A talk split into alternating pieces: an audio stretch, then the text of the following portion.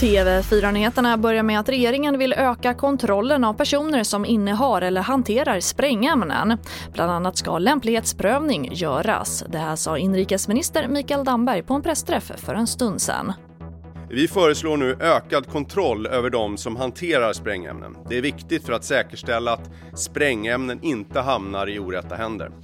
Vi föreslår bland annat att lämplighetskontroller införs eh, inför tillståndsgivningen ska skärpas och utökas till fler personer.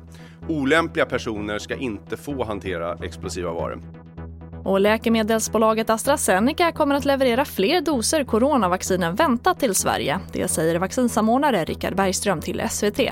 AstraZeneca meddelade igår att man hittat fler doser och därför kommer öka sin leverans.